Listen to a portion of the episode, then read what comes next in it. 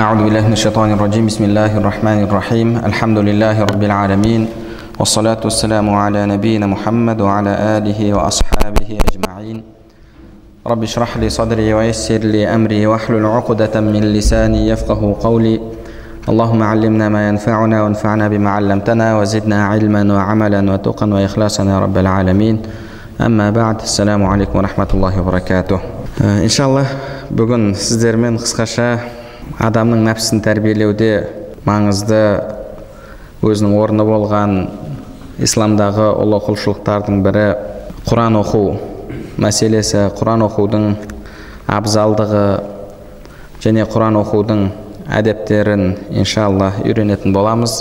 Адамға алла субханала тағала құран оқуды нәсіп еткен болса құран үйренуді тәжуид үйренуді күнделікті өмірінде бір уақыт тауып құранның бетін ашып құран оқып жүрген болса алланың кәләмімен байланысы мықты адам болатын болса бұл алла тағаланың ол адамға берген үлкен нығметі. Алла тағаланың үлкен нығметі.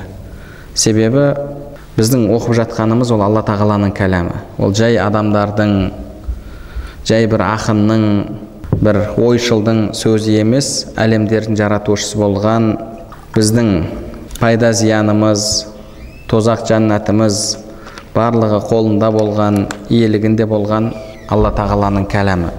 Кімге алла субханала тағала құран нығметін берген болса құран үйрену құран жаттау нығметін берген болса онда одан асқан одан ұлы нығмет жоқ. Пайғамбарымыз саллаллаху алейхи уасалам имам байхақи шуабул иман кітабында келтірген хадисте айтады. من قرأ القرآن ثم رأى أن أحدا أوتي أفضل مما أوتي فقد استصغر ما عظمه الله تعالى кімде кім құран оқу бақытына құран оқу шарапатына ие болса алла тағала оған құранды берсе одан кейін ол басқа бір адамға алла тағала маған берілген нәрседен абзалырақ нәрсе берді деп ойлайтын болса ол алланың ұлы еткен нәрсесін қорлапты дейді алланың ұлы еткен нәрсесін қорлапты. Яғни алла субханала тағала сізге құранды нәсіп еткен болса құлшылықты нәсіп еткен болса сіз сол бақытта жүріп бір шіріген байды көріп оның рахат өмірін көріп соған қызығып әлгі қаруынды көрген кезде дүниеге қызыққан адамдар айтқандай бізге де алла тағала осындай жақсылық берсе еді деп яғни өзіңіздегі нәрсені соған ауыстыруға дайын болып тұрсаңыз оның қолындағы нәрсені абзалырақ көріп тұрсаңыз онда сіз алланың ұлы еткен нәрсесін қорлаған болып табыласыз. Алла субханала тағала дүниені ұлы еткен жоқ дүниені ұлықтаған жоқ. Алла тағала дүниені керісінше жанаха бауда яғни масаның қанатына да тең келмейді деді. Ал құранды алла субханала тағала ең берілген абзал нәрсе деді және пайғамбарымыз саллаллаху алейхи уасалам имам байхақи рахмауллах келтірген хадисте афдалу ибадати уммати қираатул құран үмбетімнің ең абзал ибадаты құран оқу деді үмбетімнің ең абзал ибадаты аллаға жасайтын құлшылығы бұл құран деді және пайғамбарымыз саллаллаху алейхи уасалам тағы бір хадисінде сендердің араларыңдағы ең жақсыларың хайырлыларың құранды үйреніп және оны басқаға үйреткендерің деді. Алла субханала тағала өзі сізге бізге белгілеп көрсетіп берді. Кімнің хайырлы екен? Кім құранды үйренсе және оны басқаларға үйрететін болса осы адам мұсылмандардың арасындағы ең абзалы ең хайырлысы болып табылады. Құран ертең сіздің жәннаттағы дәрежеңізді де анықтайды сіздің жаттаған амал еткен құраныңызға жәннаттан алар орныңыз тікелей байланысты пайғамбарымыз саллаллаху алейхи уассалам басқа бір хадисінде қиямет күні адамға иқра уарқа құранды оқы да көтеріле бер деп айтылады деді сенің жәннаттағы орның ең соңғы оқыған аятыңда деді. Яғни адам қанша құранды көп жаттаса сол құранның деңгейінде көтеріле береді. Құранын оқиды көтеріле береді көтеріле береді көтеріле береді. Соңғы тоқтаған аятыңызда иншалла сіздің жәннатыңыз болады.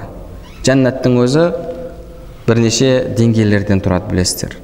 Сол үшін де адам жәннаттағы дәрежесін жоғарылатқысы келсе фирдаус жәннатына иншалла кіргісі келсе пайғамбарымыз саллаллаху алейхи уассаламға жақынырақ болғысы келсе онда ол адамның ең бірінші істеу керек болған нәрсесі бұл құранды үйренуі және соған қолынан келгенше амал етіп әрі қарай басқаларға үйретуі.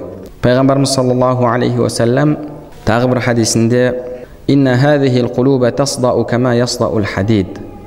бұл жүректер темірді қалай мынау сары ә, тот басу қалай тот басатын болса тура сол сияқты жүректер де тот басады деді фақила я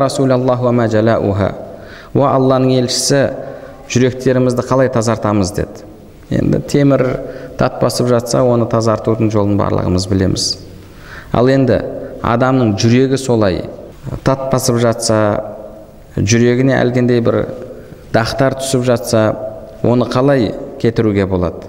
Пайғамбарымыз саллаллаху алейхи вассаламнан сахабалар сұрап жатыр. Қалай кетіреміз оны? деген кезде пайғамбарымыз саллаллаху алейхи вассалам тилауатул құрани маут құран оқу және өлімді еске алу деді. Хадисті имам абу нуайм хилятл әулия кітабында және имам байхақи шуабул иман кітабында келтіреді пайғамбарымыз саллаллаху алейхи уассалам тағы да айтады алла субханала тағала адамға құран оқыған кезде әрбір әрпіне он сауап жазады деді әрбір әрпіне он сауап мен әлиф ләм мим бір әріп деп айтпаймын әлиф бір әріп мим бір әріп ләм бір әріп әлиф бір әріп ләм бір әріп мим бір әріп деді яғни сіз әлиф ләм мим деген кезде алла субханала тағала сізге отыз сауап жазады бисмиллахи рахмани рахим деген кезде алла субханала тағала сізге қанша сауап жазады яғни адам кейде бос отырған кезінде бисмиллахи рахмани рахим осы сүрені үш рет оқитын болса пайғамбарымыз саллаллаху алейхи уассалам ықылас сүресін құранның үштен біріне тең келеді деді. Ол жерде қанша әріп бар? Біріншіден сіз құранды толық оқығандай боласыз. Екіншіден сізге әрбір әрпіне алла субханала тағала сауап жазады. Имам хасан басир рахмауллахтың айтқан жақсы сөзі бар. Адамға қиын ба? дейді бос отырған жерінде періштеге қане менің сауабымды жаз деп ары қарай оған сол сауапты жазуға мүмкіндік беруге деді. Субханаллахи пайғамбарымыз саллаллаху алейhi хадисінде келеді адамның таразысын толтырады дейді құран оқитын болсаңыз алла субханала тағала сізге қанша сауаптар береді отырып адам кейде жаттаған майда сүрелердің өзін 5 минут 10 минут осы отырған кезінде оқитын болса соның өзіне ә, сіз қаншалықты сауап аласыз соның өзімен сіз өзіңіздің амал дәптеріңізді толтыра аласыз ондай болатын болса адам ә, сондай уақыттардың барлығын тиімді пайдаланып амал дәптерін сауаппен толтыруға әрекет етуі керек. Әбу умам әл бахили радиаллаху анху пайғамбарымыз саллаллаху алейхи вассаламның ұлы сахабалардың бірі айтады. Иқраул құран құранды оқыңдар деді құран оқыңдар құранға ыдыс болған жүректі алла тағала азаптамайды дейді. Құранға ыдыс болған яғни сіздің егер жүрегіңізде құран болатын болса сіздің жүрегіңіз құранның ыдысы болатын болса ішінде құран болса иншалла алла субханала тағала ондай жүректі азаптамайды. Ондай жүректі азаптамайды. Және абдулла ибн масуд радиаллаху анху айтады. Иқраул құран құран оқыңдар.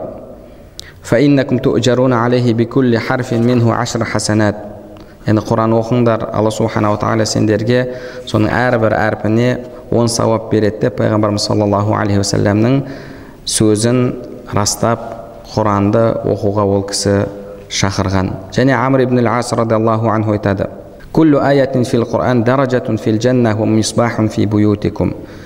құрандағы әрбір аят жәннаттағы дәрежелерің дейді. Яғни сіз бір аят жаттасаңыз ол сіздің иншалла жәннаттағы бір дәрежеңіз. Тағы бір аят жаттасаңыз ол жәннаттағы тағы бір дәрежеңіз. Осылайша осылайша сіз жәннаттағы дәрежеңізді көтере аласыз. Яғни құран қанша көп жаттасаңыз иншалла жәннаттағы дәрежеңіз жәннаттағы алланың алдындағы орныңыз иншалла соншалықты биік соншалықты ұлы болады. Және үйлеріңдегі ол нұр дейді. Мисбах жарық. Негізі адам үйінде әрдайым құран оқитын болса үйінде зікір айтылатын болса ол адамның үйі сол риуаяттарда келгендей періштелер аспаннан қараған кезде жап жарық болып көрініп тұрады деді біз ұшақпен бір қалаға келіп қонып жатқан кезде әлгі жарықтарды көретін болсақ жап жарық болып көрініп тұрған көшелерді безендіріп тұрған жарықтарды көретін болсақ періштелер аспаннан қараған кезде жердегі жарық болып көрінетін жерлер ол үйінде құран оқылып жатқан үйінде зікір айтылып жатқан үйінде тәхәжжуд оқылып жатқан үйлер. Сол үйлер жарқырап көрініп тұрады. Яғни үйлеріңе жарық береді деді. Періштелер соны көреді. Періштелер көреді. Және бір күні сол үйден жарық шықпай қалса сол үйден жарық шықпай қалса алла субханала тағаладан періштелер сұрайды екен. Уа раббымыз пәленше үй жарқырап тұратын еді. Неге ол үйден жарық шықпай жатыр? деген кезде ол үйдің иесі ауырып қалды. Немесе басына бір қиыншылық түсіп осы нәрсеге көңіл бөле алмай жатыр деген кезде періштелер сол үйдің иесі үшін дұға жасайды. Яғни сіз күнделікті құран оқып күнделікті үйіңізде зікір айтып күнделікті үйіңізде түнгі намаздар оқылатын болса ол үйіңіз жарқырап көрініп тұрады. Бір күні сырқаттанып қалып сол нәрсені істей алмасаңыз сол нұр көрінбеген кезде періштелер сіз үшін дұға жасайды. Иә раббым осыған шипа бер ә, ісін өзің жеңілдет деп. Және ол адамдардың дауысы ол адамдардың дауысы періштелерге жаттанды болып қалады екен. Құранда алла субханала тағала бізге юнус алейхисаламның оқиғасын баяндап берді. Юсуф ә, юнус алейхисалам алланың қалауымен киттің қарнына кірді сол жерде ля илаха илля әнт субханака инни кунту залимин сенен басқа ешқандай тәңір жоқ сен пәксің мен өзімде өзіме зұлымдық істеушілерденмін деді. Алла субханала тағала айтады егер ол әрдайым алланы ұлықтаушы аллаға тәсбих айтушы яғни алланың кәләмін оқушылардан болмағанда ол қияметке дейін соның ішінде қалып қояр еді дейді бірақ оның әрдайым зікірде болуы ал зікірдің үлкені біз үшін ол құран. Зікірде болуы тәсбихта болуы оған көмектесті. Және сол дұғаны айтып жатқан кезде періштелер айтты. Уа раббымыз мынау таныс адамның дауысы ғой деді. Таныс адамның дауысы бірақ бейтаныс жерден шығып жатыр ғой деді. Яғни періштелер оның дауысын михрабтан естіп оның дауысы періштелер үшін жаттанды болып қалған. Сол сияқты сіз де әрдайым үйіңізде михрабта жай намазда отырып құран оқитын болсаңыз жай намазда отырып зікір айтатын болсаңыз періштелер сіздің дауысыңызды жаттап алады. Сіздің дауысыңыз періштелерге жаттанды дауыс болып қалады. Олар айтты саутун маруф мин маканин ғайр маруф мынау біз үшін таныс дауыс қой деді. Бірақ бейтаныс жерден шығып жатыр деді. Бейтаныс жерден шығып жатыр деп олар білгені үшін юнус алейхисаламды юнус алейхисаламның дауысы жаттанды болғаны үшін алла тағаладан юнус алейхисаламға жеңілдік беруін сұрады. Яғни егер періштелер сіздің даусыңызды жаттап алатын болса сіздің де даусыңыз мысалы басқа бір жерлерден қиналып шыққан кезде уа раббым! деп шыққан кезде даусыңыз періштелер сіз үшін дұға жасайды. Сіз үшін, сіз үшін алла тағаладан жеңілдік сұрайды. Ал фирауын өмір бойы әна раббукум әля мен сіздің раббыларыңмын деп жүрді. Бірақ суға кетіп бара жатқан кезде ол да әмәнту аннаху ла илаха иллаллази әманат бихи бану исраил исраил ұрпақтары иман келтірген тәңірге мен де иман келтірдім деді. Сол кезде тәпсірлерде келгендей періштелер саутун мункар деді. Мынау бір жаман дауыс қой деді. Бейтаныс жаман дауыс. Қайдан шығып жатыр? Мынау сен бейтаныс жаман дауыс сені ұлықтап жатыр деп олар фирғаунның аузына құм тықты деді. Ол үшін алла тағаладан жеңілдік сұрап ол үшін алла тағаладан фирғаун үшін көмек сұраған жоқ керісінше оның аузына құм тықты деді. Сол үшін де адам құран оқитын болса үйінде әрдайым құранның дауысы шығып тұратын болса балаларына құран үйрететін болса ол адамның дауысын періштелер жаттап алады ол адамның үйі аспаннан періштелер көрген кезде жарқырап нұрлы үй болып тұрады. Нұрлы үй болып тұрады. Ал егер құран оқылмаса ол үйде зікір айтылмайтын болса ол үй кәдімгі қап қараңғы қабір сияқты үй болып тұрады. Қабір сияқты үй болып тұрады. Әбу әбу хурайра радиаллаху анху айтады. اتسع بأهله وكثر خيره وحضرته الملائكة وخرجت منه الشياطين қайсы бір үйде алла тағаланың кітабы оқылатын болса алла ол үйге бір кеңдік береді деді ол үйді кең етіп қояды яғни кейде болады адам мысалы өзінің үйіне сыймай кетеді үйі оның кең болып тұрса да енді квадрат жағынан ә, кең болып тұратын болса да бірақ өзі сол үйге сыймай кетеді алла тағала ол үйден берекені алып қояды ол үйінде жүрген кезде жүрегі сығылып ол үйге сыймай кетеді алла субханала тағала құран оқылған үйді иесіне кең етіп қояды деді және ол үйдің берекесі жақсылығы көбейеді ол үйге періштелер кіреді ол үйден жын шайтандар шығады وإن البيت الذي لا يتلى فيه كتاب الله عز وجل ضاق بأهله وقل خيره وخرجت منه الملائكة وحضرته الشياطين ал енді қайсы бір үйде алла тағаланың кәләмі оқылмаса алланың есімі ұлықталмаса ол үйді алла тағала тарылтып қояды деді. Ол үйдің жақсылығы азаяды береке кетеді.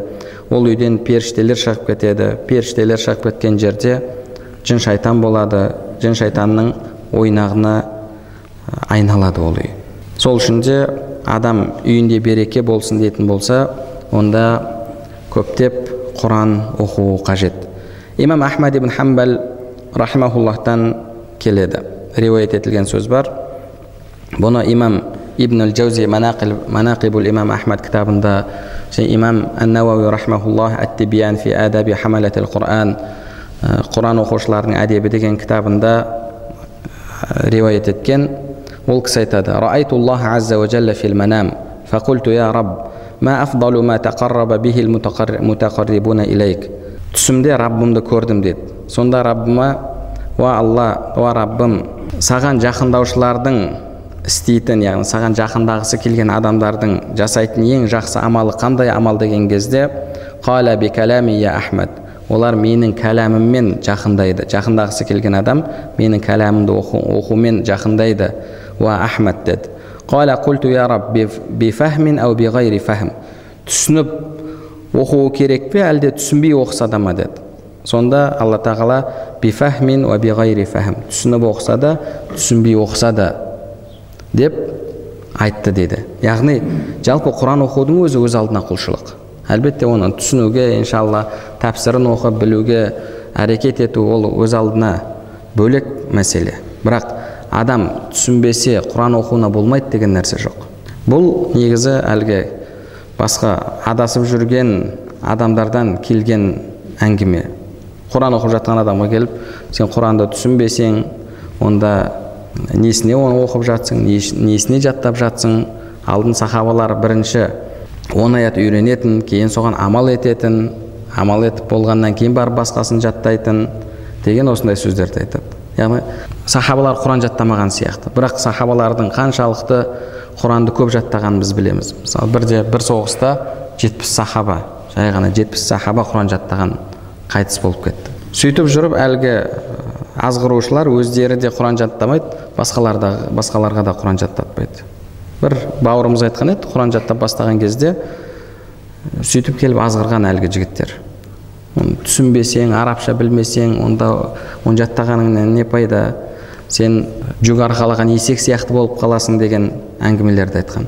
Бірақ соны айтқан адамдар әліге дейін не құранды жаттаған жоқ не басқа нәрсені үйреніп қарық қылған жоқ. Бірақ әлгі бауырымыз ол азғыру әңгімелеріне құлақ аспастан құранды жаттап шықты. Құран жаттап болғаннан кейін ары қарай білімін алды. Алла тағала құранды да білімді де нәсіп етті.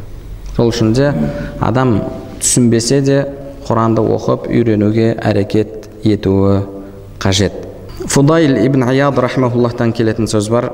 Хамилул құран хамилу раятил ислам құранды жаттаған адам исламның туын биік етіп көтеріп жүрген адам деді فلا ينبغي أن يلهو مع من يلهو ولا يسهو مع من يسهو ولا يلغو مع من يلغو تعظيما لحق القرآن енді құранның құрметі үшін енді ол адам құранды көтеріп жүргеннен кейін ол адам сол құранның деңгейінде болуы керек бос сөз айтатындармен бос, бос сөз айтып қылжақбастармен қылжақбас болып құранның ақысын берместен құранның құрметін жасамастан әлгі адамдардың деңгейіне түсіп кетпеуі қажет.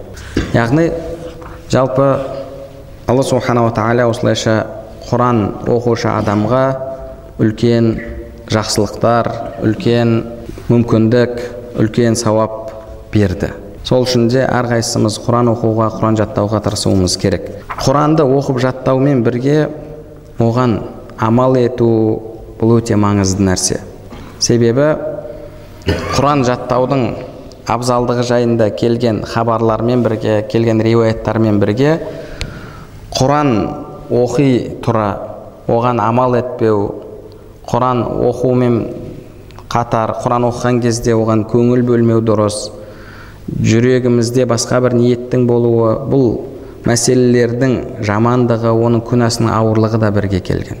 Адам құранды дұрыс ниетпен жаттайтын болса құранына амал ететін болса пайғамбарымыз саллаллаху алейhi вассалам сендердің ең хайырлыларың ең жақсыларың құранды үйреніп басқаларға үйреткендер деді. Бірақ сонымен қатар кімде кім құранды оқыған кезде ниеті дұрыс болмаса жаман ниетпен оқитын болса көздегені дүние болатын болса пайғамбарымыз саллаллаху алейхи вассалам ол адам жайында ең бірінші тозаққа отын болатын бірінші тозақтың тұтатылуы үшін жандырылу үшін отын болатын адамдар солар деді. Олар кімдер? Бірінші қариул құран құран оқушы адам деді. Яғни адам ниетін дұрыстауы керек. Және сонымен бірге оқыған құранына амал етуі керек. Пайғамбарымыз саллаллаху алейхи уассаламның сахабаларынан келген сөз бар. Бір адам құран оқиды құран оқып жатып ол адам өзіне лағнат айтады деді өзіне қарғыс айтады. Қалайша деген кезде ол кісі жауап берген құранда жалғаншыларға алланың ләнаты болсын деген аят бар. Залымдарға алланың ләнаты болсын деген аят бар. Ол адам құран оқып жүр құрандағы әлгі аяттарды оқиды бірақ өзі күнделікті тіршілігінде адамдарды алдайды саудасында адамдарды алдайды біреудің ақысын жейді зұлымдық жасайды. Яғни бұл адамның өзі жалғаншылардың залымдардың қатарына кіріп тұр.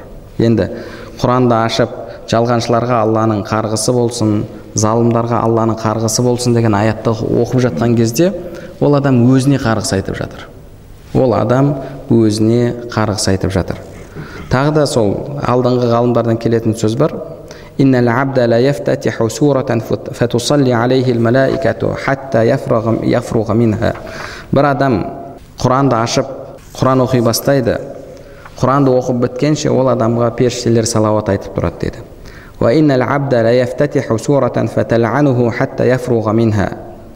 енді екінші бір адам құранды ашып құран оқып отырады ол адам құранды біткенше періштелер оған лағнат айтып тұрады деді оған қарғыс айтып тұрады. Бұл қалайша енді? Ненің не себеппен бұлай болады деген кезде ол кісі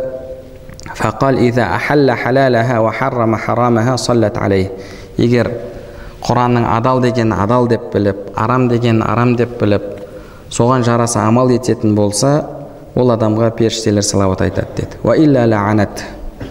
Олай етпесе керісінше болатын болса.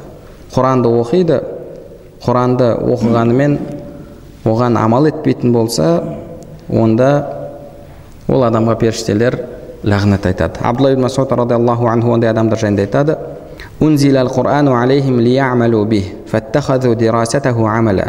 Адамдарға негізі құран амал ету үшін түсірілген еді деді. Бірақ кейбір адамдар құранды оқудың өзін амал етіп алды деді. Құранды оқудың өзін амал етіп алды. Яғни оның ниеті тек қана құранды оқу болды. Ол құран мен үшін хидаят қой. Мен сол өзімнің мінез ақылақымды мінез құлығымды құранға айналдырайын жүрген тірі құран болайын құраныма амал етейін осы құраннан хидаят алайын осы нұран осы құран менің жүрегімді нұрландырсын деген. Ода пікір жоқ ода ондай бір ынта ықылас жоқ. Құранды оқудың өзін амал етіп алған.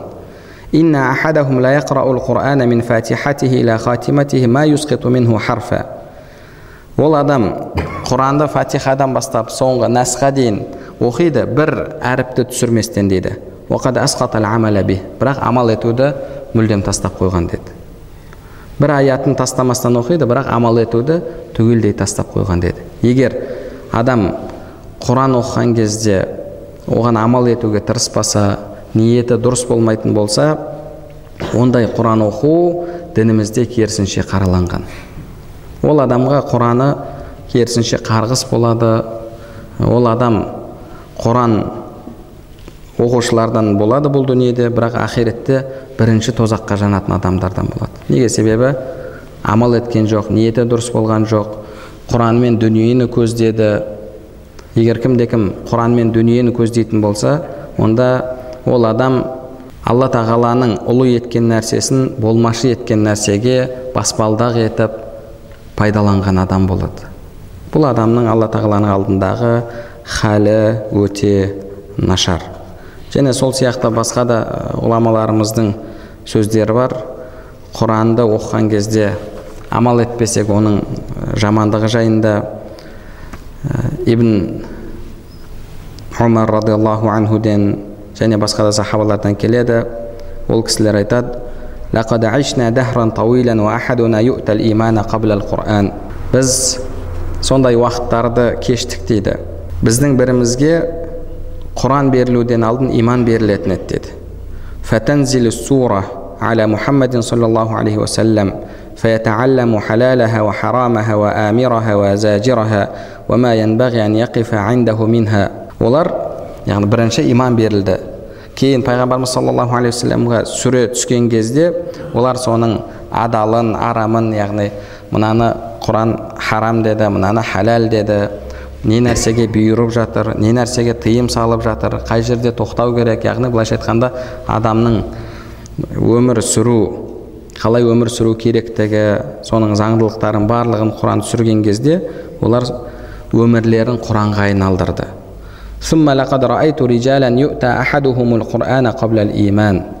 одан кейін мен сондай адамдарды көрдім сондай адамдар пайда бола бастады оларға иман берілуден алдын құран беріледі деді иман берілуден алдын оларға құран беріледі فيقرأ ما بين فاتحة الكتاب إلى خاتمته ولا يدري ما آمره ولا زاجره құранды басынан аяғына дейін оқып шығады хатым қылады бірнеше рет бірақ құран неге бұйырып жатыр? Не нәрсеге тыйым салып жатыр?